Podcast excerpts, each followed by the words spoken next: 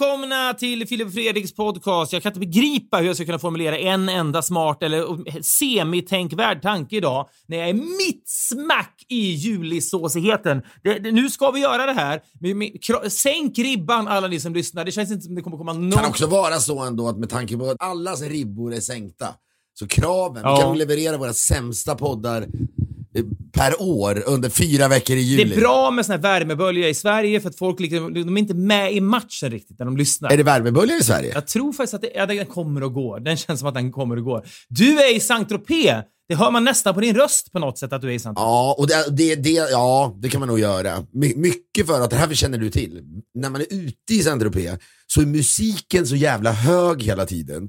Så man måste skrika vid varje bord. Alltså du pratade om någon restaurang, det här var ju Cannes, som du sa att du hade tagit med dina, dina barn till, som sen jag ha, hamnade på. Någon slags lunchrestaurang utanför Cannes. Det var där det här äventyret egentligen börjar, alltså före Cannes.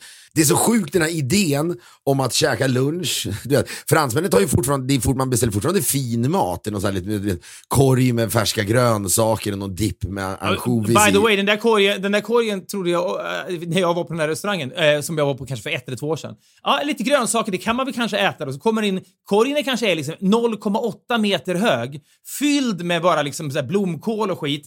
Och sen upp, kollar man på notan efteråt, 90 euro för lite grönsaker. Det är, det är, fy fan. Vad roligt, jag och Agnes satt och så fick vi in en sån där, då, då sa, och Agnesson sa direkt, sa, jag hatar fransk mat, det här är det värsta jag varit med om. Och det, det första jag sa då, jag tror att du och Fredrik kan förenas i ert hat mot den här korgen. För det är något av det sjukaste som är, men han får lite, du vet, en liten röra av ansjovis och en lök. En hel lök! Ja, men det är, det är vulgärt är det. Dyrt, vulgärt och... Ja. Men alltså, och det där stället då som du sa, för vi blev bjudna till, till, det, eh, till den då, eh, restaurangen.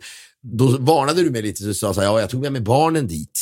Och det är nästan det sjukaste jag, ja, men det är nästan jag har hört, för att man alltså, då, när, när, man kan inte ens beställa för att det är så hög volym. Så Ja, man skulle, men det skulle kunna liksom singla in. Jag tror att jag la ut någonting på Insta för ett par år sedan, eh, när, eller om det var förra sommaren, när jag då sitter där, barnen sitter och håller för öronen i något hörn och försöker gömma sig från den här ljudvolymen. Det är nästan orosanmälan-läge bara på att vara där med barnen. Okej, du tog dina barn till det där stället. Då tar vi barnen Ja, från dig. men så kanske barnen också växer av en Ja. sån upplevelse, för det kanske gör att de börjar hata stekare. Ja, All skit man hamnar, alla misstag man gör på en semester, alla liksom platser man åker till med förväntan och pepp som sen visar sig vara värdelösa, oavsett var man är, det kan man alltid intala sig själv att det är nyttigt för barnen. Att de, att de stärks Barnen börjar skit. också hata stekare i en tidig, i en tidig ålder. Ja.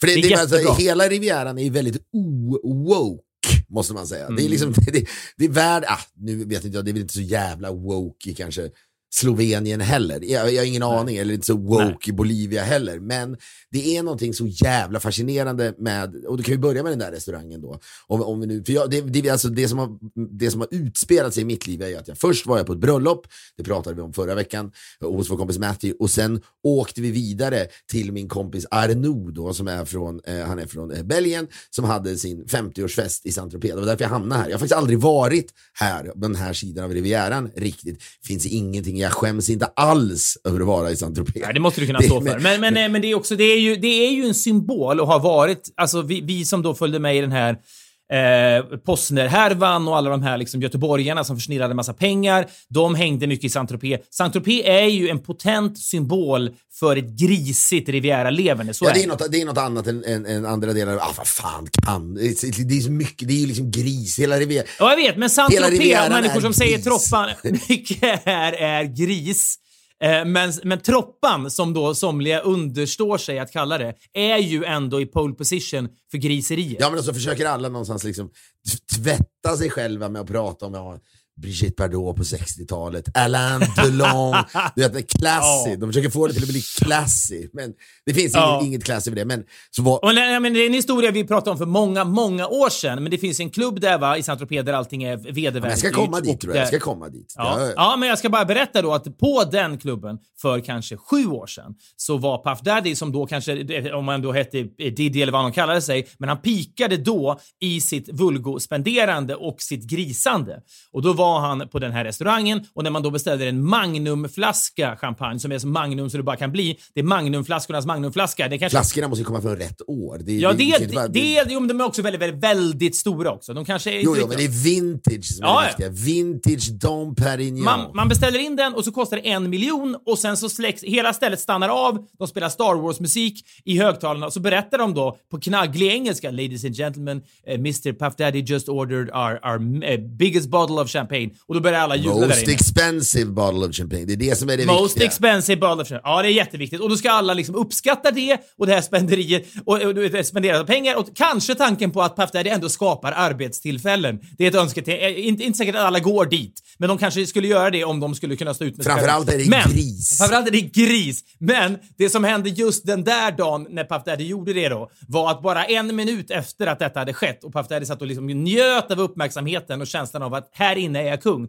Då, då tystnade allt av igen, Star Wars-musiken började spelas igen och så sa de någonting i stil med “Ladies and gentlemen, a Russian oligarch just Nej, ordered...” jag ska ändra den här för jag känner inte Two Filipinos. Okej, two det var. Filipinos just ordered two bottles of our most expensive champagne. Och där och då var Puff Daddy ingen! Och det är ju någonting med det som är helt galet men också Men där har du ju hela, där är det, är nyckeln och den geniala... Grisnyckeln. Det är grisnyckeln. Ja, det är grisnyckeln eftersom människorna, det är, här, det är svårt, du kan inte du kan inte trumfa Puff, Puff Daddy eller P Diddy. Det, det, man får inte chansen att göra det. Nej. Men har man pengar så kan man då göra det där. Där och då. Det går genom, genom att toppa grisandet. Men jag ska bara säga att det här stället då i Cannes som vi åkte till, några amerikaner som hade en yacht. Jag har aldrig åkt yacht tidigare, Mm. men nu fick jag åka yacht med några, du vet när amerikaner är som lojast, Mm. människor som är mätta. Det är helt sjukt. Det var så jävla dålig stämning på båten Va? De jobbade med, ja, men de jobbade med real estate i Los Angeles. Säljer med mäklare helt enkelt. Och den ena killen var, som man väl i smurfarna sa, två äpplen hög. Aldrig varit med om dess like. Vilken, vilken märklig känsla. Men, och det liksom adderade till det här, det är, det är liksom man, man vet inte ens hur man ska formulera det för sig själv. Nej. Men han, han, du vet, han, han var liksom så här, han hade liksom en någon rysk flickvän liksom, som han liksom tittade upp mot. Det fanns någonting i det som var väldigt... Ja, men väldigt det är någonting med det, det som du är ju ganska lång och jag är ännu lite längre och av alla såna här saker man har liksom varit mot piss för i livet och haft komplex för och känt sig liksom, liksom otillräcklig. Att man aldrig behövt ha känslan, okej, jag är 1,50 det och varje gång jag går in i ett rum så tänker kanske folk på det. Det är en grej som, det kan nog vara jävligt Det är det, svettigt. du har rätt i. Det är rätt i att gå in i att alltid ha en kroppslig, och det här är inte en defekt, Nej. men en kroppslig grej som överraskar folk. Mm. Att gå in i ett rum då är inte, det är inte kul. Eller så bara vänjer man sig och så spelar det ingen roll för man är en real estate agent från Los Angeles så då spelar det spelar liksom ingen Som är roll. mätt på en yacht. Nej, men fortfarande kan vara... Du kan, ja, men det kallas för Napoleonkomplex, eller vad det nu är. Han bara, ska väl ha varit kort och så vidare. Att, att när man går in så vet man, jag måste alltid på något sätt övertrumfa folk här nu. För de, det, det första och enda de ser, många av dem är, åh, där är en kille som är jättekort. Och det, det, det gör nog saker med en. I det här fallet, han är loj och har dålig energi. De flesta korta människor jag har träffat på eh, är ju super liksom, energiska. De vill ju kompensera kanske, eller så är de bara det av naturen. Men de brukar ju ha jättemycket att komma med för att, liksom, för att då, eh, avleda uppmärksamheten från faktumet att de är 1,50 eller 1,44 långa. Då har de massa energi istället. Så han är alltså jättekort och loj.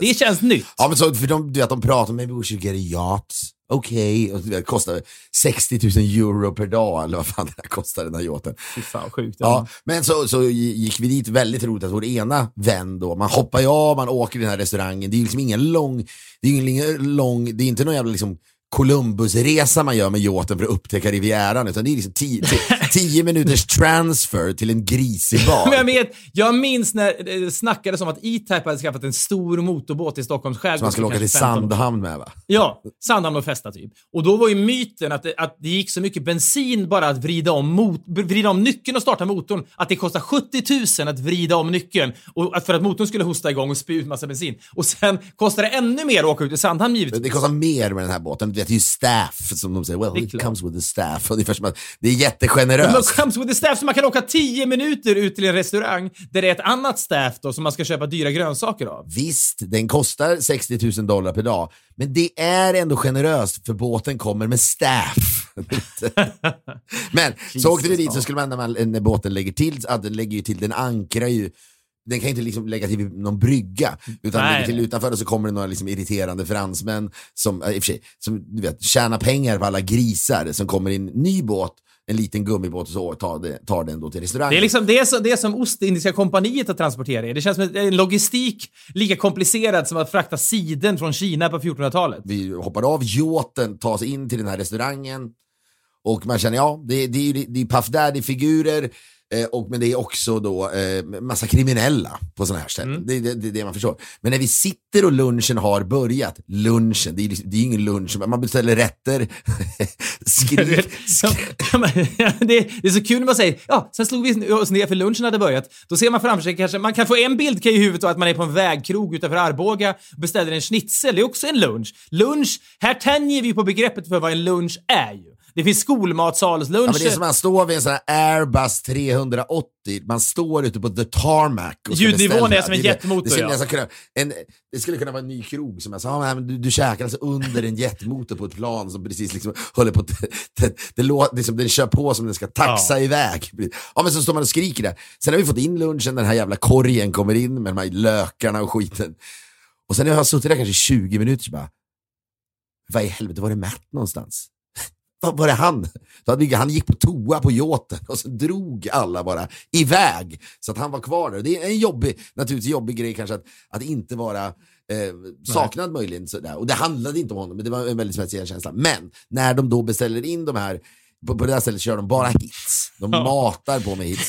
Att gå fram till DJn och säga kan du inte köra lite obskyra grejer? Det vore så jävla mysigt att köra något som ingen känner till. Det, det ska bara pumpas. Kan du köra lite Ed Harcourt? Skulle gärna vilja höra Apple of my eye. Den slutar vi podden med det här avsnittet. Fan vilket mys, det var länge sedan. Ja men det, oddsen för att DJn på den här restaurangen ska spela Apple of my eye med Ed Harcourt, det är liksom 50 miljarder gånger pengarna. Men det, och det, men det som är, sker där inne då är att när, när folk beställer en stor flaska champagne så eh, tar de reda på vilket land det är. Man, Och nu är, vi, nu är vi alltså, förlåt, men nu är vi alltså inte på det här stället där Puff Daddy beställde Nej, utan nu är vi i. Cannes. Nu är vi i Cannes, på den här lunchrestaurangen där du tog med. Ute på en ö där man åker ut och där, där jag också har varit och det, det, största misstaget i mitt liv att ta mina barn dit. Det är katastrof och jag hatar det Men stället. det de gör då är så har de, liksom, har, de har en, en korg med massa flaggor där. Så att de tar reda på, du beställer nu här, eh, och var kommer du ifrån? Ah, du kommer från, eh, du vet, Ryssland. Mm. Okej, tack. Och då, då spelar de någon, du vet sån här Kalinka, Kalinka. Breda penseldrag. Ja, ja, precis. Det är helt sjukt. Jag har jag skrikit sönder mig totalt. Ja, ja, det är alltså vi, det, vi, vi, det vi använder oss av här på krogen när man anländer. Det är breda penseldrag. Ser du den här penseln? Ja. Jaha, kan jag se den här penseln? Det är en roller. Ja, Vi använder oss av Ja, rollers. motsatsen till en konstnär som står och finlirar fram liksom en monesk eh, himmel. Här är det liksom en roller och breda penseldrag. Du är ryss säger du. Då har vi en låt för dig. Den heter Kalinka. Du är svensk säger du. Då har vi en låt för dig. Den heter Waterloo med ABBA. Ja, det var exakt så det var. Men så, och du vet, då kommer ryssarna in, Kalinka, Kalinka. Och så blir de här ryssarna må skitbra av det. Och man, man mår liksom bra av det på något sätt. Det är kul. Ser, det här är, jag tror att också så här, det är någon slags postpandemi eh, eh, eufori som gör att de här ställena, nu vet jag inte, nu höll Frankrike på att stänga ner igen, eventuellt. Men sen beställer de några andra, då har vi haft Kalinka. Linka. Ja, det har vi haft. Sen är det då dags för amerikanerna. Vad tror du de spelar då? Oh! Born in the USA såklart. Som vanligt. jag, tänkte, jag tänkte säga liksom dance, dance, dance med Justin Timberlake eller något. Nej, nej, nej. Born det måste in the vara bredare. USA. Bruce Springsteens alster som de skrivit som en protest mot alla dessa, eller hur, alla dessa unga Vietnam, amerikaner ja. som tvingades iväg till Vietnam för att döda DJ, DJn har inte en tanke på Vietnam när han sätter på den Jaså? låten. Det är Det hade varit oerhört starkt om någon hade kommit fram och sagt “Var kommer du ifrån?” “Jag kommer från Vietnam” och så spelar de “Born in the USA”. Det hade varit otroligt. Sen gå fram till DJn på det här breda penseldragsgrisstället och säga Du vet vad den här låten handlar om? Ja, det är en protest. men Ja. som, en, som en lök på laxen då, så är det alltså att de är utklädda till då indianer, som man ju inte ens säger längre. Nej, Men de ser ut som Sitting Bull när de kommer in med en amerikansk flagga. Och det är liksom en perfect storm av allt som är värdelöst. Det är så här, här går vi i mål med grisigheten. Ja, men det är någonstans, vet, det är också att det är så här, pandemin är över, nu ska vi få festa igen. Woke-kulturen är också typ över för de här människorna. De är trötta på det. Det här är en frizon. Här kan vi vara eh, pandemi liksom befriade och woke-befriade. Med pandemins eventuella död, det är en jättesmäll för hela woke-kulturen. tror Ja, jag. men Folk precis. vill inte längre. Folk vill inte någonting. Nej, men se, liksom, kolla de brittiska fansen före eh, finalen på Wembley. Där har du hur människor vill må just nu. I varierande grad givetvis. Alla kör inte in raket i röven på sig själv och skjuter iväg. Men det är såhär, Frölunda Indians, vilket är woke då, det är väl bra möjligtvis, eller om de nu, vi heter de här Frölunda Indians eller något. Något det får man inte heta längre. Nej, de bytte. Det är inte så, på en griskrog i, i Frankrike så är det inte så länge, det är ingen som orkar tänka Ingen så här, orkar problematisera "S- det, nej." Låt mig nu slippa detta. Ja, men det kan faktiskt vara att denna liksom breda penseldrag griskrok du är på där kan vara en föraning för hur resten av världen kommer att hantera liksom livet efter pandemin. Man orkar inte vara PK längre. Man, nu är pandemin över, då vill man grisa, man vill festa och man orkar inte vara PK längre. Och där, det kanske är ground zero för den strömningen sker på den här griskrogen. Vecka sponsrade av AMF. Ni vet det här med många bäckar små då, alla drar sitt strå till stacken så blir det stor effekt. Att göra något tillsammans är ju det som är roligt och blir bra. Man tänker på det när man ser på EM. Du och jag är i Alla mot alla-studion nu. Det är ett stort kollektiv, då publik som är där. Det är tävlande som dyker upp. Det är en redaktion som är fantastisk, frågor. Du och jag är där och alla de här teknikpersonalen. Det är, det är något härligt i att ingå i ett kollektiv. Kommer du ihåg den här låten? Om det nu är en låt eller om det är någon, jag vet inte fan, eller om det är en visa. Ju mer vi är tillsammans, ju mer vi är tillsammans, sjunger de, ju bättre det blir va? Och det är lite... Ja, gladare vi blir tror jag. va? Ja, men det är samma sak och det är Ja. det AMF då snackar om helt enkelt i sin kommunikation med folk. Det är bättre tillsammans. Tänk så mycket roligare det är att göra saker tillsammans och vilken kraft det kan bli. AMF investerar miljoner människors pensionspengar, det är ganska många det, för att få pengarna då att växa investerar AMF i sånt som kan vara bra för miljön och samhället i stort. Är du nyfiken? Kolla in på amf.se. Vi säger stort tack till AMF. Vi är denna vecka sponsrade av NetOnNet. Och det är ju sådär, måste jag ändå säga. Livet är en orgie av logistik och massa, massa, massa hinder man måste ta sig emellan. Eh, därför tycker jag i en förenklad värld, ibland måste man också titta på världen som den är och omfamna den och känna, ja, jag har det krångligt, men mycket Ja, är men också det, enklare. för mig har, det här vet, det har vi pratat mycket om, att det här pandemiåret också, eller pandemi, ett och ett halvt året har ju förändrat hur jag betett mig framförallt kring hembeställning och sånt. Jag har varit liksom, på något märkligt sätt mot det tidigare. Eller du vet att man köper saker på nätet och så vidare. Men det är ju så enkelt att handla hemelektronik hos NetOnNet direkt från lagerhyllan. Det är fri frakt online eller om man hämtar det då i lagershoppen. Det här är alltid enkelt, det är alltid smidigt. NetOnNet direkt från lagerhyllan. Gå in på netonet.se. Vi säger stort tack till NetOnNet. Och sen så är det dags för svenskarna.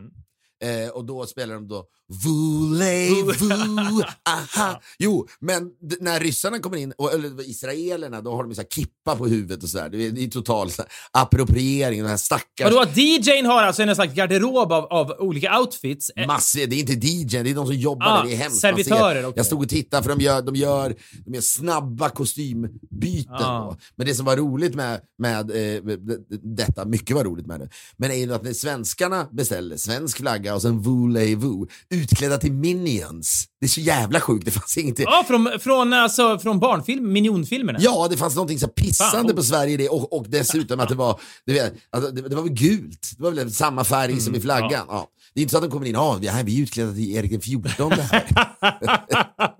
nej.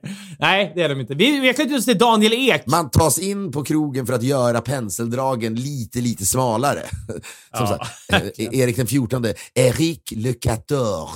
Okej, ja, han gillade ärtsoppa tydligen. Eh, han var jättelång och så vidare. Men då, och då var jag där och den var vad det var. Och sen var vi på Arenos 50-årsfest, vilket också var Ja, men det, är- det är bara liksom glida med. Ja, men det känns som, eh, för, för mig känns det som att du har varit på ett bröllop och en 50-årsfest med massa då, eh, bemedlade amerikaner och du har varit ganska skönt. Det är nästan för dig som att vara på en charterresa. Det vill säga, du kan glida med. Nu, idag händer det här. Ja, vad kul. Då gör vi det. Men sen igår då så skulle allt här avslutas, folk åker härifrån nu och det kommer bli skönt. Jag känner det, jag behöver tystnad. det, det, det är klart, jag, behöver, jag, orkar inte, jag orkar inte gå på en restaurang till, jag måste skrika mig, mig hes. Det är, mycket, det är ju teckenspråk mycket, man tittar på menyn och så, du vet så här, vad betyder anjo? Ja, det är lamm, det är nästan som man säger bara bä och så nickar han. Och så, okay, det, Ja, men det känns ju... Just ljudnivån, spritnivån och alla de här breda penseldragen gör att man liksom... Man regrederar, eller vad fan det heter, till någon slags mellanstadienivå antar jag. Eller till liksom... Totalt gå i barndom nästan. Sen ska sägas att amerikaner är inte riktigt, de festar inte på det sättet som svenskar eller europeer gör. De, Britter. Ja, men de tar liksom en stadig drink i början av lunchen, sen dricker de inte så mycket mer. Så det är inte som man behöver bära ut amerikaner, utan de är ändå någonstans ganska verserade, Okej, ja. om det är, det är ett rätt ord. Jag vet Men det går inte att vara verserad om det samtidigt är jetmotordecibel på musiken. Det är ju Men svårt. sen igår så skulle vi avsluta och då gick vi på ett ställe som heter L'Opéra i, i, i eh, då, eh, Saint-Tropez. Och det är ju grisighetens grisighet. Det är den mest owoka restaurangen i världshistorien. alltså, på, på, på, Vadå, hur kan en restaurang vara oh, oh, woke? Jag förstår inte. Nej, men vi kommer dit, slår oss ner vid bordet och så säger de bara eh, “Have a nice dinner eh, and a nice party”. Och så börjar det direkt att det är, du vet, någon, det är någon afroamerikan som går runt och sjunger massa du vet, Puff Daddy-låtar i början med en mix. Han sjunger kanon. Men man fattar, okej, nu, här börjar det. Och sen så började det välla in folk där och det är naturligtvis inte billigt, det var ju där med vår kompis som, som inte har något problem med, med så att säga, finanserna när man kommer in till en sån här ställe. Och så det är det första som sker är att någon tjej i, i du vet, underkläder som kör någon slags stripp, stripp där samtidigt som man äter en burrata för liksom. För 800 spänn, ja. Det är så jävla sjukt. Jag har aldrig varit med om något liknande, måste jag säga. Sen får man då välja. Man, har ju, man kan ju stå i, uppe i Abisko eh, i, i, i norra Sverige och eh, du vet, sitta hemma hos en äldre man och titta på en repris av Mästarnas Mästare och gilla det för att det är exotiskt. Eh, Men man kan också då omfamna det här och säga, ja, men nu gör jag det här och det är väl trevligt. Ja, vad skulle alternativet skulle vara att du skulle en- lägga ifrån dig besticken i protest. Det, det hörs inte ens att du skramlar med besticken för volymen är så hög och så lämnar du restaurangen och strippshowen och burratan. Men det skulle inte förändra så mycket. Så jag antar att, att åka med och ha eh, liksom, lite innehåll från det är också värt något. Ja, och via då någon belgisk eh, aristokrat så fick vi ett kanonbord, som de säger, mitt i restaurangen där man ska sitta då. Nära strippshowen. Och vad som händer då först är ju att den, det kommer ju, du vet, det är så här, jag skämtade vid bordet och sa, vad, vad, vad tur att vi inte gick själva, bara vi killar, att vi tog med våra flickvänner också. Om man ska sitta där, en man och sitta och dricka en, espresso där och bara liksom njut, njuta, ursäkta, läsa, du vet, läsa The Guardian och sitta där i lugn och ro. Det, det, det, det, I, st- i, stripp, i strippepicentret. Men då kommer, sen kommer en av då de här head of security fram, för det var någon kände de som drev det här stället, och kittlar mig tidigt under kvällen. Förstår du hur sjukt det är? Man sitter och käkar lite burrata, så kittlar han mig och vänder mig om så stort leende. Du vet, så här. Det, är- det Du är ganska lättkittlad också. så jävla förnedrande då. Nu ska jag kittla Ja. den här killen. Head of security. Fan Men Ja. och, eh, och, och sen fortsatte den här kvällen och det, det, var, du vet, det, det, det, var, det slutar aldrig vara galet. Upp på borden, dansa. Jag har lite svårt för det, jag går inte upp på borden. Men många av de här i det här gänget gör detta. Jag såg rö rörande bilder tycker jag från Victoriadagen är det väl för Öland. Det är alltid Mark Levengood typ som är host och så är det liksom en... en är väl motsatsen till griseri. Och, men ändå ganska breda penseldrag när Victoriadagen sker på Öland. Det är väl trevlig de underhållning. breda, man får absolut inte, man får inte inskränka begreppet breda penseldrag till att då man på en krog spelar Born in the USA när några amerikaner har beställt in champagne. Utan de breda penseldragen finns ju lite Ja, varstans. men även, sannoliken även på Victoriadagen då. Men där såg jag då att kungafamiljen, jag tror det måste varit därifrån jag såg bilder på det. Då står de och dansar för det är trevlig musik som då är godkänd och vettad av Min. Maja Piraya. Typ sånt. Så det var väl den stora grejen när, när kungen gjorde den där, du vet, när han körde, Ja, säkert. körde på med teckenspråket i Maja Säkert, Piraya. men Ja. då, då tyckte jag var rörande att se Chris O'Neill var ju den enda kungafamiljen som inte, som inte reste sig upp. Han satt ju, han, liksom så här, han tänkte för sig själv. Jag kan göra mycket. Mycket har, i mitt liv har påverkats. Jag brukar kunna åka ner till Saint-Tropez och liksom äta burrata och kolla på strippklubb. Det kan jag inte längre. Det är omöjligt för mig nu. Men jag tänker fan inte ställa mig upp och dansa till Maja Bin Piraya. Så han satt ner medan alla, han, Madeleine, alla andra står och dansar upp, kungen och drottningen och sådär. Det var något rörande att se att... Martin Stenmark uppträder väl jag känner, jag känner väldigt... Ja. Liksom, jag, Martin Stenmark uppträder och dödar någon jävla, eller så förstör någon gammal soulklassiker. Ja, Mustang. Sally kanske. Han kanske dödar Mustang Sally. Kungen och Silvia, familjen dansar, men Chris O'Neill tänker nej, hit får ni mig inte. Så jag ömmade faktiskt och, och kände viss respekt för Chris O'Neill när han satt kvar i sin tältstol. Men han har väl inte varit i Sverige på hundra år känns det som. En stora Nej, men nu comeback är han, då. nu, ja, stora comeback när han inte, han inte ens sittdansade. Men jag förstår dig i det här läget när man är på en, på, på en, en lunchrestaurang då, där det går ut på att man ska grisa. Ja, det, här var kväll, det här var kväll då, det här var efter lunchen. Ja, men att, att, då, men att, då dan- att, att liksom kravet blir nu ska vi dansa och gör vi inte det, då har vi inte kul. Så du som sitter där... Jag, Jag ska också säga det att man har kul. Det, det, det, det, det är så här, man sitter vid bordet om man är som jag och om man skulle vara som du. ja, och som jag. Ja, och är ironisk lite. Du vet, man dansar med och man säger det här är helt sjukt, gud vad grisigt det är. Men snabbt som jävel, men rycks man med i det här. Du vet, när, när, några tyskar, det var någon tysk som sa att det där är Tysklands rikaste mäklare. Förstår du hur grisigt det är då? Vilken nivå man är på. Då är man mänsklighetens avskum som man sitter bredvid. men ja, och så spelar de tyska nationalsången och så kommer då den här liksom, Det rycker, det rycker i mäklarens heilarm, eller hur? När, när det sker. Ja men det är också en Då 10 rycker det. liters, en 10 liters du vet, eh, magnumbutelj av någonting och så spelar de tyska nationalsången. Ah, då mår man rätt bra. Det är en skön postpandemikänsla. som liksom... Ja, och post-woke-stämning också kanske, men jag menar bara så här. Jag har varit på så många tillställningar, det kan vara i Sverige, det, det spelar ingen roll var man är, det spelar ingen roll om det är en fin eller ful krog, men när känslan blir nu måste alla dansa och den som inte dansar är en torris. Jag avskyr ändå det. Det spelar ingen roll hur full jag är, det ska mycket till. Och alla de här liksom, jag blir lätt Chris O'Neill i de sammanhangen. Jag tänker inte ställa mig upp, jag, jag bottnar inte det. Jag känner mig utklädd och värdelös. Man måste vara plakat för att man ska kunna ryckas så, med. så vi blev tokiga vid vårt bord när de spelade då Mamas and Papas California Dreaming i någon här mixad Mm. fransk Bob Sinclair-form. Du vet han som gjorde Feel the Ja, Love ja, ja. Generation. The Love Men så känner man då Generation, en ja, tillhörighet till där man bor. På något sätt. Det är så jävla, det är genialiskt av, antar jag det här. För jag, jag vet inte, man dras med i Ah, men du kan, du kan inte, d- använd inte det ordet för guds skull. Det är väl superplatt, men det funkar för att folk är liksom, de är Jo, men breda post-pandemikorkade. penseldrag är inte alltid dåliga ändå. De kan vara genialiska också. Men vi kände en tillhörighet med Bob Sinclairs version av Ja, men det, är, California fan, det är bara fyllan som snackar. Det är bara fyllan som snackar. Och det kan den få göra! För det är ändå juli, mitten av juli, då kan fyllan få snacka. Så är Mitten det. av juli om man slutar tänka. Men så, och så spelar, du vet, och, och, så, den här kvällen fortsätter. Och sen bredvid oss så sitter då en grupp ryssar. Ryssarna Mm. kan det här. De kan den, här typen av grisighet. Den finns i deras DNA. Det går en rät linje från du vet, så här, Stalins arbetsläger till den här Mm. krogen. Det, det, det finns någonting i det. Nu kör vi så att det bara du vet, det är på, på samma sätt, då det var i och för sig tyskarna, men på samma sätt som man invaderade Frankrike på två timmar, så är känslan, okej, någon tysk mäklare beställer in en, en, en, en flaska. 10 liters flaska, ja. Då plötsligt stängs hela stället, eller hela stället eh, släcks ner och sen börjar det någon kalinka, kalinka. Du vet, tyskarna som beställer den där dyra flaskan, så fort de hör kaet i Kalinka så förstår de att de är besegrade. Men det är någonting som att man kör alla av banan. Det är soundtracket för den här sommaren, eller den här veckan då, av fest, är just Kalinka. För man vet att, okej, då kommer ryssarna återigen bara, du vet, köra alla av banan i den här märkliga... Ja, men det är lustigt alltså, hur, hur, Rysslands närvaro i Frankrike, kanske framförallt de södra delarna, är ju alla hemsidor du går in på så kan du välja franskt, det är franskt språk överallt och det, det kan, kan ju inte jag. Och så finns det engelska, bra då kan man åtminstone förstå någonting. Så finns det alltid ryska också. Men är- engelska är- och, är- och så, så var det inte för tio år sedan. Vad är Kalinka? Är det, vet, är det Rysslands änglamark eller? Vad är Kalinka? Vad, vad, skulle man kunna jämföra? Men det är ju en sån här kosackdans liksom. Ut, det är, man, man skulle kunna dansa kosackdans till den väl? Och så är det väl Ja, vad fan är det motsvarigheten till Kalinka på svenska? Är det Sommaren är kort på ett sätt, fast den är mycket äldre? Ja, fast det är, det är väl en gammal, det är, det är väl tradd som det står om man skulle köpa Ja. någon sånghäfte. Ja, det, är den, det är väl lite den blomstertid du kommer, möter några såna liksom, kosacker som Vi är mördar långt folk. från svenska sånghäften just nu. Ja, och det är, ja, men det är långt från liksom, Victoriadagen. Men så, så sker detta och så är det då Kalinka. Mm. Och då kommer de in något som ser ut som en pyramid eh, som de beställer in då med 24 stycken Dom Perignon vintage.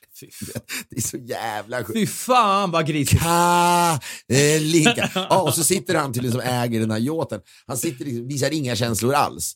Det är något man beundrar, alltså, ryssar som inte visar känslor är bland det bästa som finns. Ja, men det är lite som superfemman i hockey som, som var så stor på 70 och, slutet på 70 och hela 80-talet. Som grejen var när de gjorde mål att de aldrig jublade. För att det, det var för dem, ja det är klart vi gör mål. Och det var psykologisk krigsföring i Det att finns inte, en grej i det där, det är, det är rysk och en rak rysk. parallell att liksom, att inte, göra, att inte jubla när man gör mål för att visa för motståndarna, ja men det är väl självklart att vi gör mål. Vad tror ni? Det kommer komma mycket fler mål nu. Det är ju knäckande för folk. Att, det är som, som Chiellini vi pratade om förra veckan då, lagkaptenen i Italien som, som var så peppad när, när det skulle bli straffläggning mot Spanien och han kramade om motståndarnas eh, lagkapten och det var lite psykologisk krigsföring från hans håll. Men det här är ju andra änden av spektrat, det vill säga där man är liksom Ja, men lågmäld. det är också, det är mod, om, om vi ska inte landa i fotboll igen, säger jag, men det, är- det, det är ju andra änden av liksom skrikande brittiska fans som tror att de ska, football is coming home, som visar jättemycket känslor när något Ja. kul händer. Ryssarna, hela, hela idén med att vara ryss är att få göra något spektakulärt och inte uttrycka någon Nej. som helst känsla, varken egentligen ilska Nej. eller Det glädje. är, det är stoneface. Liksom, att sätta en puck i krysset mot liksom, USA i, i liksom sudden death, det är samma känsla som att be- beställa in 24 vintage Dom Perignon.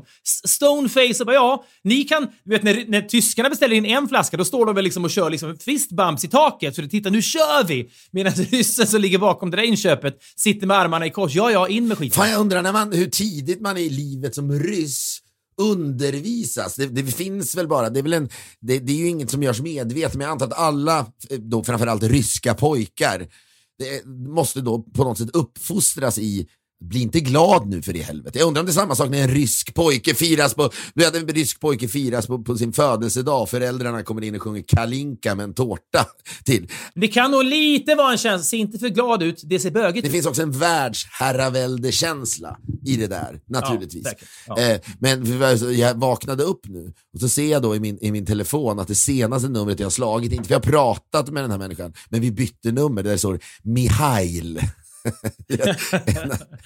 Från Ryssland då. ja, han var från Ryssland. Kul! Kon- Kontakta med Heil senare idag och se vad ni snackar om. Ja, han bjöd mig till Baikalsjön. Four days Baikal Sea, four days Moscow. Love it.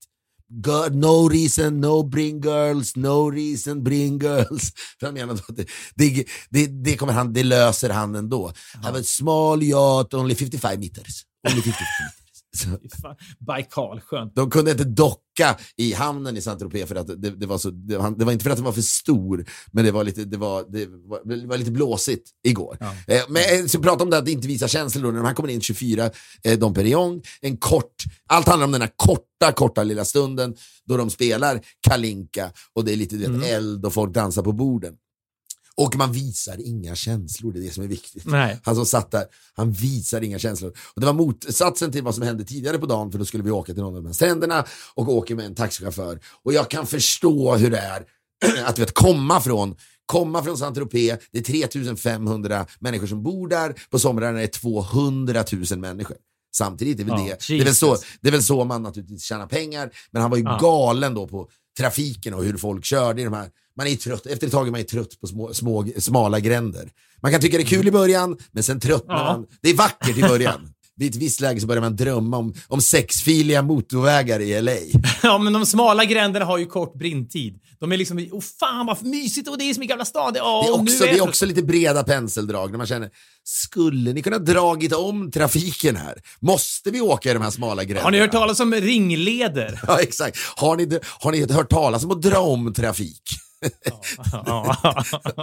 Och så skulle, och så skulle chauffören svara till okej vad vet du om att dra om trafik? Jag vet inte mycket om det, men jag, jag har en känsla av att om man drar om om trafik så blir det bättre trafik. Det blir lättare att ta sig fram. Vi är alla trötta på smala gränder, men i Frankrike så tycker man fortfarande att det är en grej. Men det är någonting med det. Är, jag älskar att man då och då äh, återupptäcker uttryck som man inte har tänkt på att de ens är uttryck och uttrycket att dra om trafiken. Jag förstår ingenting vad det betyder, men det är någonting man svänger sig med. Du vet, man har dragit om trafiken. Jaha, just det. Och så, så tror man på det och, och köper det, har någon slags bild i huvudet. Ja, så där flyter det på bra nu. Men man, man vet ingenting om vad begreppet att dra om trafiken innebär. Men tror fransmännen får passa, jag säger så här, ni får passa er. De smala grändernas tid kan vara förbi snart. Ah, det, jag tror att det jag skulle, jag skulle ändå säga att det, kom, det, det, är en, en, det kommer alltid finnas en attraktionskraft för folk som inte har sett smala gränder att tjusas av smala gränder ett tag. Så är Och sen viktigt, bland det viktigaste för fransmännen är att de inte är enkelriktade. Det är jätteviktigt att de smala De smala gränderna, ja ljud ja. Va? ja. Ska ni göra den här? Ska man kunna Nej, det ska plats. vara enkelriktad. Är du dum i huvudet? Det ska, alltså, det ska ju verkligen vara... Men fransmännen är oerhört snabba på att vi vänder rutan och bara vet, trycka in liksom backspegeln så att man ska få plats två bilar på bredden och så bara blåsa förbi. De är så otroligt man måste, snabbopererade. man måste vara beredd att, att behöva backa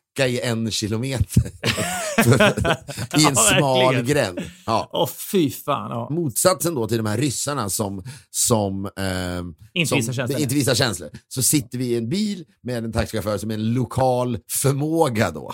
Från Han bor där. Ja. Ja, han bor där året runt och de har, börjat, de har liksom satt upp några så här, du vet, speglar när du åker i den eh, smala gränden för att säga vänta, nu kommer det någon där borta. Ja, alltså, så, och så ska någon visa förtur. Det, det, och det ska man fatta då. Man liksom måste säga att jag är på semester, det, det är juli. ja, men i Sverige så är ju högerregeln, den är liksom skriven i sten. Men det är viktigt för fransmännen att högerregeln inte finns. Utan här, Nej, framförallt inte i juli. att skapa kaos. Och sen finns det då vissa turister som sitter där. Vad underbart det här är. Tänk, nu blir man fast här i en gränd. Det, är underbart. Historiens vingslag. Högerregeln finns inte och jag har just fastnat i en gränd och blir nu stående här i, liksom, i, i åtta timmar. Men, och så var det då med den här chauffören som då var upprörd över att vi åkte i den smala gränden och så plötsligt möter vi en bil. Ja. Och det är sig, just det är ju då en, en stor lastbil så det är någon lokal förmåga men kanske inte från Saint-Tropez. Och han börjar skrika, du vet såhär, om det putain, vilket som betyder hora, men det är, det är ett vanligt skällsord som alla använder här nere. Eh, och man sitter där. Och sen mot, alltså verkligen motsatsen då till en ryss som bara skulle, du vet, det skulle bli en sån här stare out i en smal gränd. Jag flyttar inte på mig. Jag sitter där. Nej, de skulle sitta och stirra på varandra. Ja, men Fyra flera år. En det ryss i en smal gränd skulle sitta där i fyra år. Ja, verkligen. Det Två skelett sitter kvar. Nej, men jag, jag, är inte, jag är inte hungrig, det är inga problem. Jag sitter där i fyra år och så är det någon, ga, Ja. någon, a- någon arg människa från ett annat land, exempelvis en lokal förmåga från Frankrike. Och det här bara, det är Men liksom... det är motsvarigheten till den där tä- sista tävlingen i Robinson, vem som kan stå längst på en planka väl? Det, det, där är det också viktigt att ha psykologisk krigsföring, att inte antyda att man ser trött ut. En ryss i Mästarnas Mästares planka, eller om det är Ja. Robinsons planka. Det Ja, är verkligen. mardrömsmotståndaren. Ja, helt oberörd. Cigg i munnen. Jag kan stå här till min kropp börjar decomposa. Tänk om det hade varit en OS-gren, OS-gren som startar i samma sekund som OS-elden tänds. Invigningen, ja. Ja. Ja.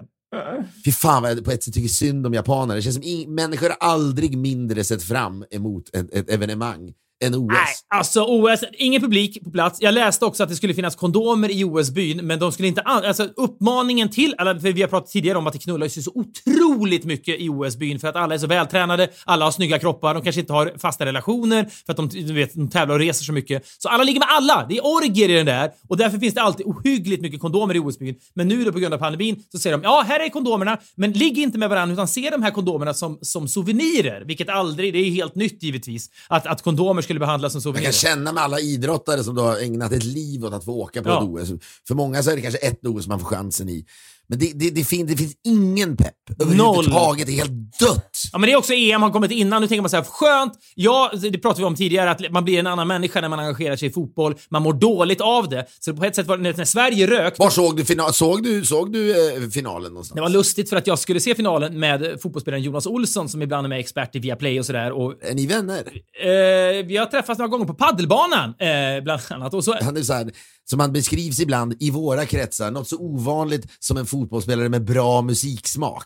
Ja, verkligen. Ja, Det är väl hans grej. Ja, lite så. Ja, men så är det nog. Och, och äh, nu, nu är det liksom lite grann som att vara Greklands eh, bästa bandelag då, att vara eh, en av de smartaste fotbollsspelarna i Sverige. Men han är de facto en väldigt rolig tänkande individ. Vi skulle se matchen ihop. Han har, eh, hänger hos någon kompis här nere. Vi åker till en by som heter Tourettes, lustigt nog. Eh, där möts vi och där vi, liksom 40 minuter före matchen. Det finns ingen restaurang visar matchen. Alltså, det finns en sportbar som inte visar matchen för att Frankrike är inte i final. Då har de bojkottat hela skiten. Kan Så vi- respektera det. Ja, så vi, vi hoppar in i bil och åker till en annan by som heter Vans som ligger liksom 20 minuter bort. Då är det bråttom, vi ska inte missa matchen. Kommer dit, ingen visar matchen överhuvudtaget. Det är re- 100% protest bara. Så det slutar med att vi då tar fram min lilla telefon, loggar in på More fort som djävulen och det är dålig lina. Så vi sitter och kollar på hela den här matchen. Vi får inte ha ljud på heller för då stör vi de andra som sitter och äter sin mat och inte vill höra fotbollsljud. Så vi kollar alltså på EM-finalen på en liten, liten, liten telefon eh, utan ljud med knagglig linje. Det låter minnesvärt ändå. Ja, och jag hade, körde ju bil dit eh, och skjutsade Jonas så att Jonas kunde dricka på lite grann. Det var hans första dag på semestern. Jag var ju då spiknykter. Det som var kul var att när den här straffläggningen väl drog igång då, Jonas har ju då spelat i England i, i West Bromwich, han känner ju lite engelska spelare. Han höll ju på dem. Jag höll givetvis på Italien, men jag kände också när det blev straffläggning, okej skitsamma, det här är så jävla plågsamt. Jag bryr mig En härlig grabbig stämning när ni satt där. Du Kanske, men det, var, det roliga var då i alla fall att straffläggningen börjar fram och tillbaka och sen ska då Saka gå fram och lägga den sista engelska straffen.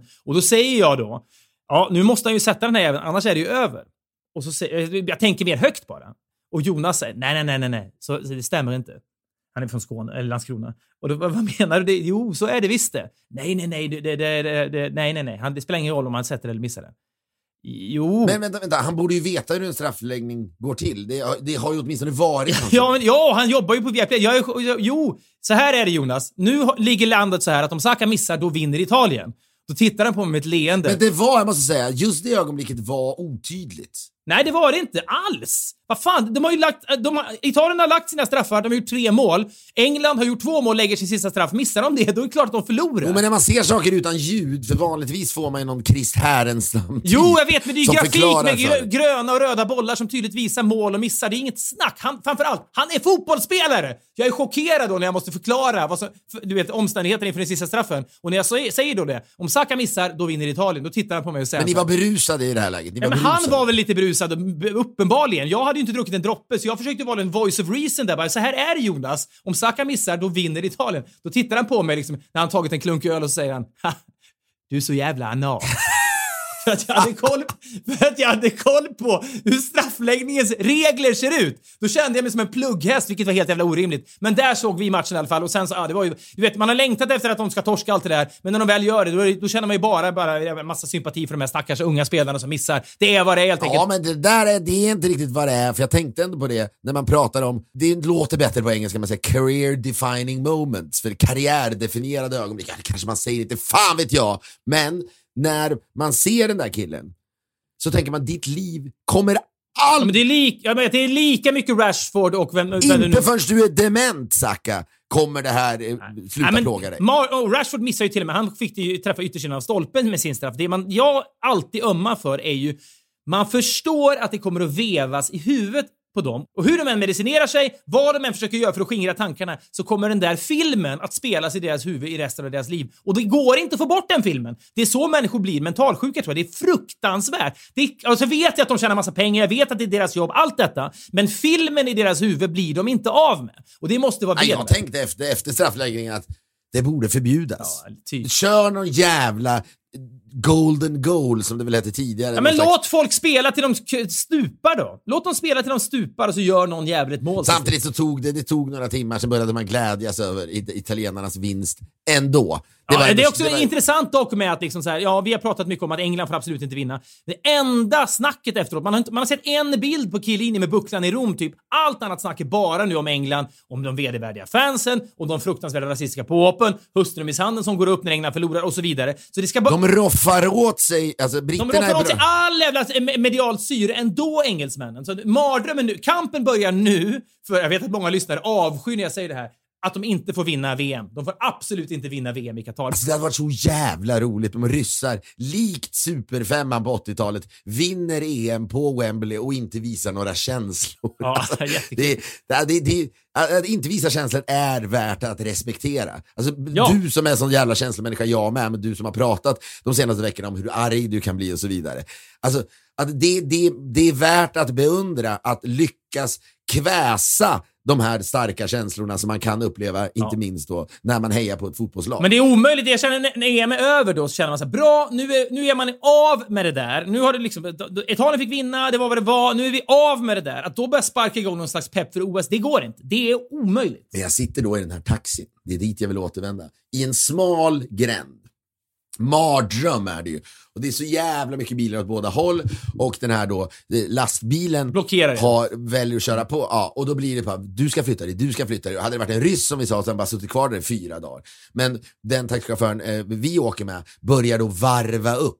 Och en fransk taxichaufför som varvar upp, han, det, det är ju känslor. Ja, men, men han varvar upp, han- mer mentalt eller motor, motorvarv? Alltså att han kör tomgång? Nej, nej, inte motorvarv, utan mentalt varvar han upp att så här får det inte gå till. Men han måste ju vara jättevan vid att fastna i stairdowns i gränder med lastbilar. Det är väl hans jobb? Han måste, det måste ske någon Ja, under då, under då juli och augusti.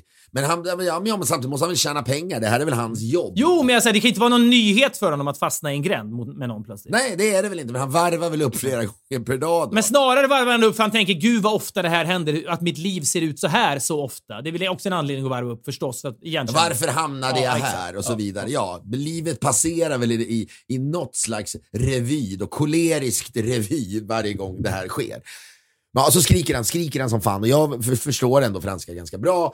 Och så plötsligt så hör man att han börjar skrika åt den här lastbilschauffören. Du är en usel arab, Oj, ja. säger han.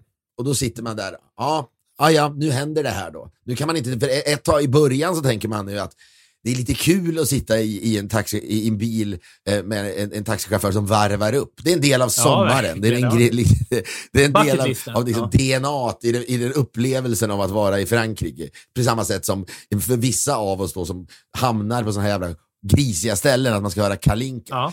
Men så skriker han och skriker han och skriker han och plötsligt i en bisats så säger han jag är också arab. Och då blev han skön igen. Ja. Förstår, förstår? Ja. Han, först tänker man din jävla rasist. Ja. Och sen, det är den snygga bisatsen, Ja. så gjorde han, Han räddar sig själv. Börja un, ja, då kunde jag börja njuta av den här Ja, upplevelsen. igen. Helvete, jag är vilken- också arab, men jag är inte en dålig arab. Nej. Och då, då, så här, då kände jag, ja, fy fan. För det, det, grejen som då var så o-woke, det, som, det jag upplevde där var en rasistattack. En klassisk rasistattack tänker man. Ja. Och jag antar, jag vet inte, men en arab som skriker åt en arab, din jävla arab, och sen säger jag är arab. Ja. Det är väl oproblematiskt, eller? Ja det, ja, det känns det som, men who am I to judge? Jag vet inte. I min värld får, det vara så. Ja, men det möjligtvis skulle det kunna vara att man ska inte hålla på att använda sig av den här typen av okvädelse. men- ja, ja, ja, ja. men just då, där och då tänkte jag, gud vad skönt. Nu sitter jag, sommaren du, är du, räddad. Du räddade min sommar med en elegant bisats. Ja. Som om det var irrelevant. Han, an- det kändes som att han tyckte att det var irrelevant att han var arab, men han ville ändå säkerställa det, för då kunde han fortsätta den här eh, utskällningen. Men det var så jävla typiskt ändå, Rivieran och antiryskt att, att, att få ur sig den här. Först måste jag pissa på min egen, min, min egen tillhörighet, min egen, Mm. vad fan man nu säger, etnicitet eller någonting. Men sen elegant. Aldrig Mm. varit med om hur En livboj. Ja men den här känslan av, gud vad skönt. Här sitter jag i en gränd och nu kan jag bara njuta av det här bråket. Nu kan jag bara åka med. Vi är denna vecka sponsrade av Hedvig, försäkringsbolaget som skriver om boken när det gäller bra service. Jag minns när du och jag och vår kompis Martin var på restaurang på Söder en gång. Han fick en kött... Gud vad du, Va? du, vad du, du Ja, älskar men den här historien. Han du fick älskar en köttbit som var bränd och när eh, servitören kom fram och frågade hur var det här då? Och då sa han, eftersom han kommer från Skåne, alltså, min, min köttbit smakar kål. Den smakar kål, jag är ledsen, den smakar kål. Och då tittar bara servitören på honom och så säger han, Cole och imiterar honom och går därifrån. Och då var ju vår kompis Martin chockad. Vi skrattade. Det där är då, det där tänker du, det är ett exempel på dålig service. Det håller jag med om. Eh, är, Hedvig är ju kända för sin, sin grymma service. Så är det bara. De har ritat om, om boken då för det här med försäkringsbolag. Och det kan gå på några minuter så har man fått pengar när någonting har gått sönder och så Blixtsnabbt. vidare. Men det är också det här med ett leende på läpparna. Även om det är digitalt och man inte ser leendet. Men det är någonting med att en människa på Hedvig skulle aldrig bara säga cool. Eller om man säger så här, min cykel har blivit stulen. Stulen? Cykel. Det skulle aldrig någon... Cykel.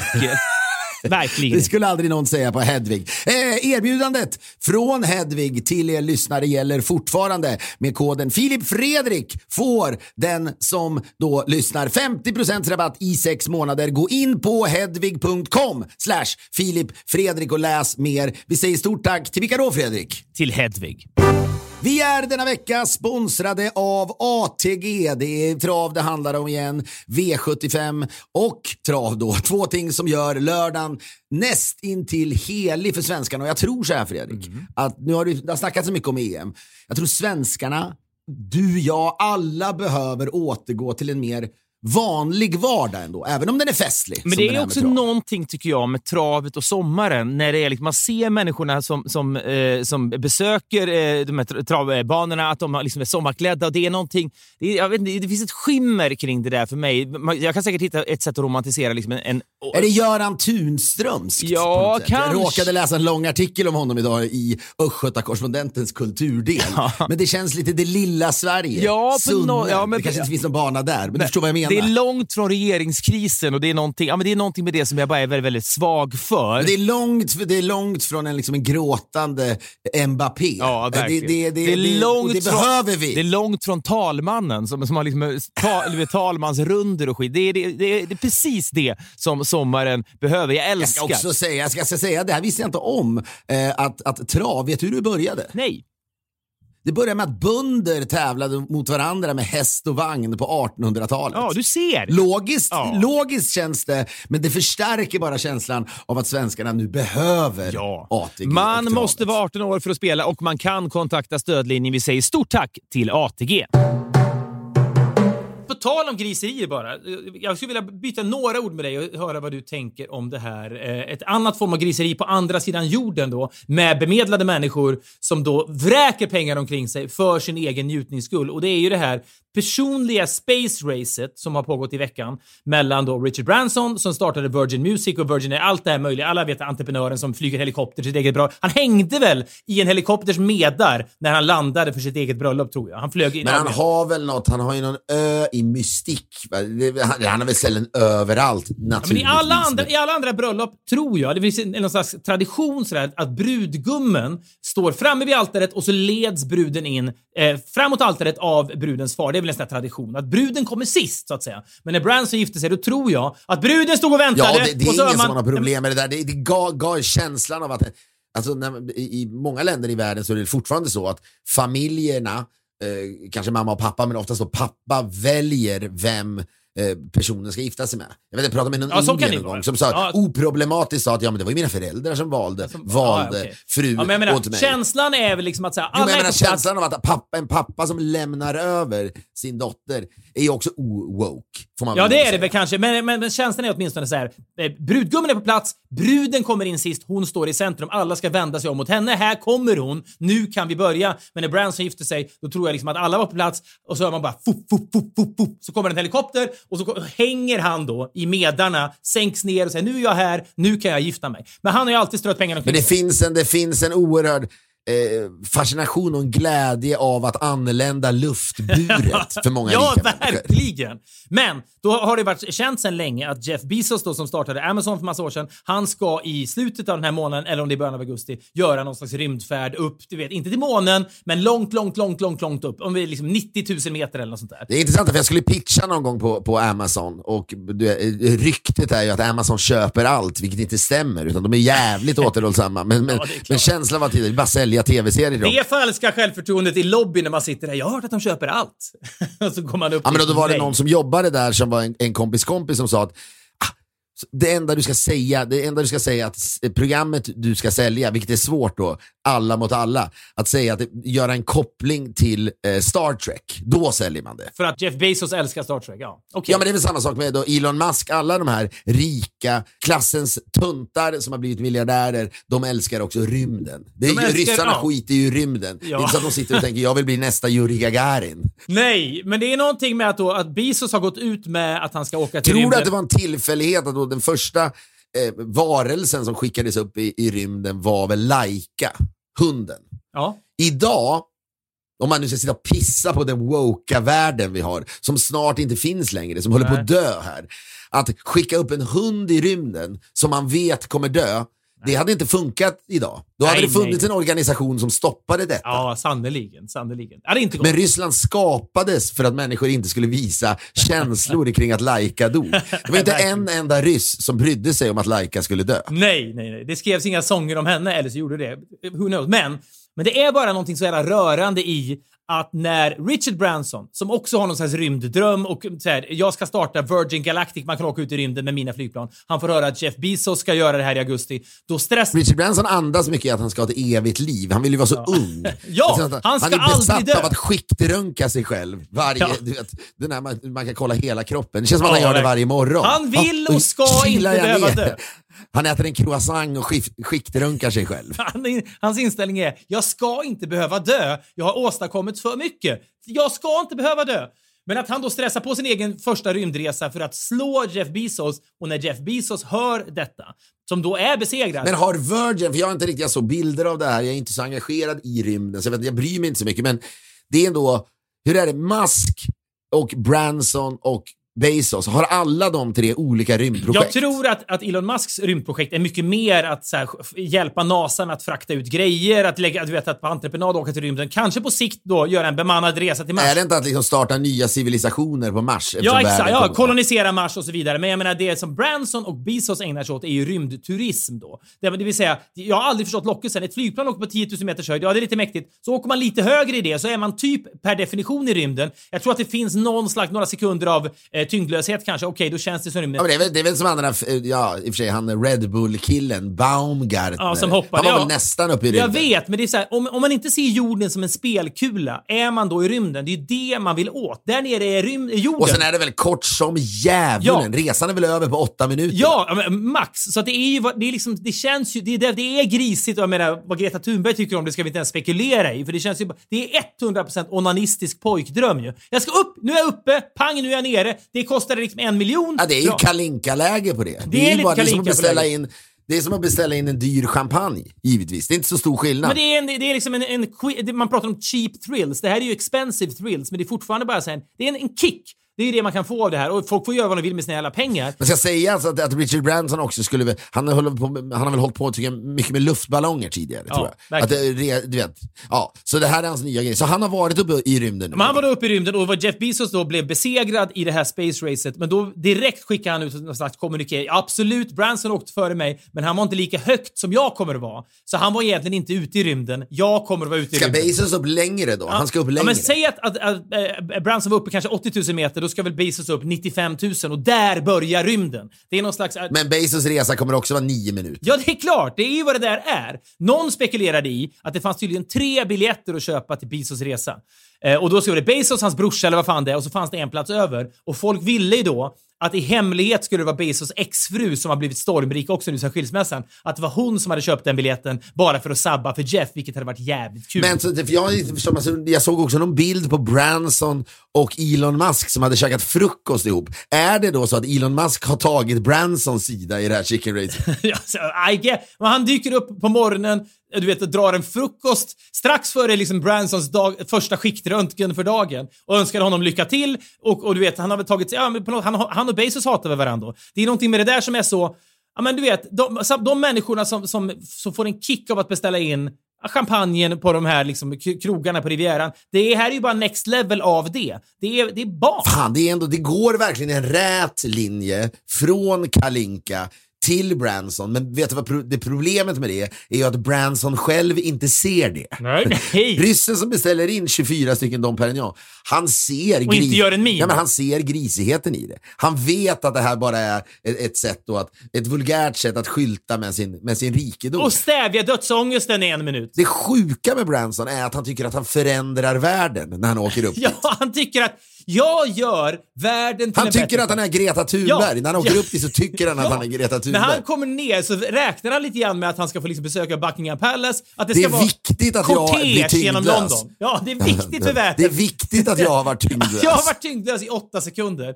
Jag gör världen till en bättre plats. Gör en, snälla, kanta Londons gator nu. England förlorade, men jag, vi kan göra en kortege åt mig Det istället. var väl som när, då, när, när Buzz Aldrin och, och, och eh, Neil Armstrong och den Michael Collins hade eh, varit på månen så åkte de väl ut på en turné i hela världen. Men framförallt tror jag när de anlände väl, de körde väl någon slags kortegegrej då. Och det här är då tre män, nu Buzz Aldrin var väl lite, han, det fanns väl någonting, han var väl lite kändiskåt, eller kåt på att bli kändis. Ja. Men både Collins och Neil Armstrong var ju verkligen två jävla nördar som inget mindre ville än att b- bli kända. Men jag läste något om det där, att Neil Armstrong mådde så dåligt. De tjänar väl också 29 spänn i timmen, för det var ju NASA. De fick inte, de fick ingen ar, de arvoderades ju inte. Nej, de fick, fick, inget påse, fick ingen bonus för att de nådde månen. Det var, ju- det var, ju- de var statstjänstemän. Ja, och så åkte de då på, eh, genom Manhattan och hyllades. Och det här är då människor som har, vet, alla har gått på MIT eller vad den här fantastiska eh, eh, Kungliga Tekniska Högskolan fast i, i Boston. Det är människor, nördar som är besatta av rymden. De gjorde ju ändå någonting för mänskligheten, det vill säga ja, åtminstone kolla vad fan är, vad finns det på månen? Hur ser stenarna ut här?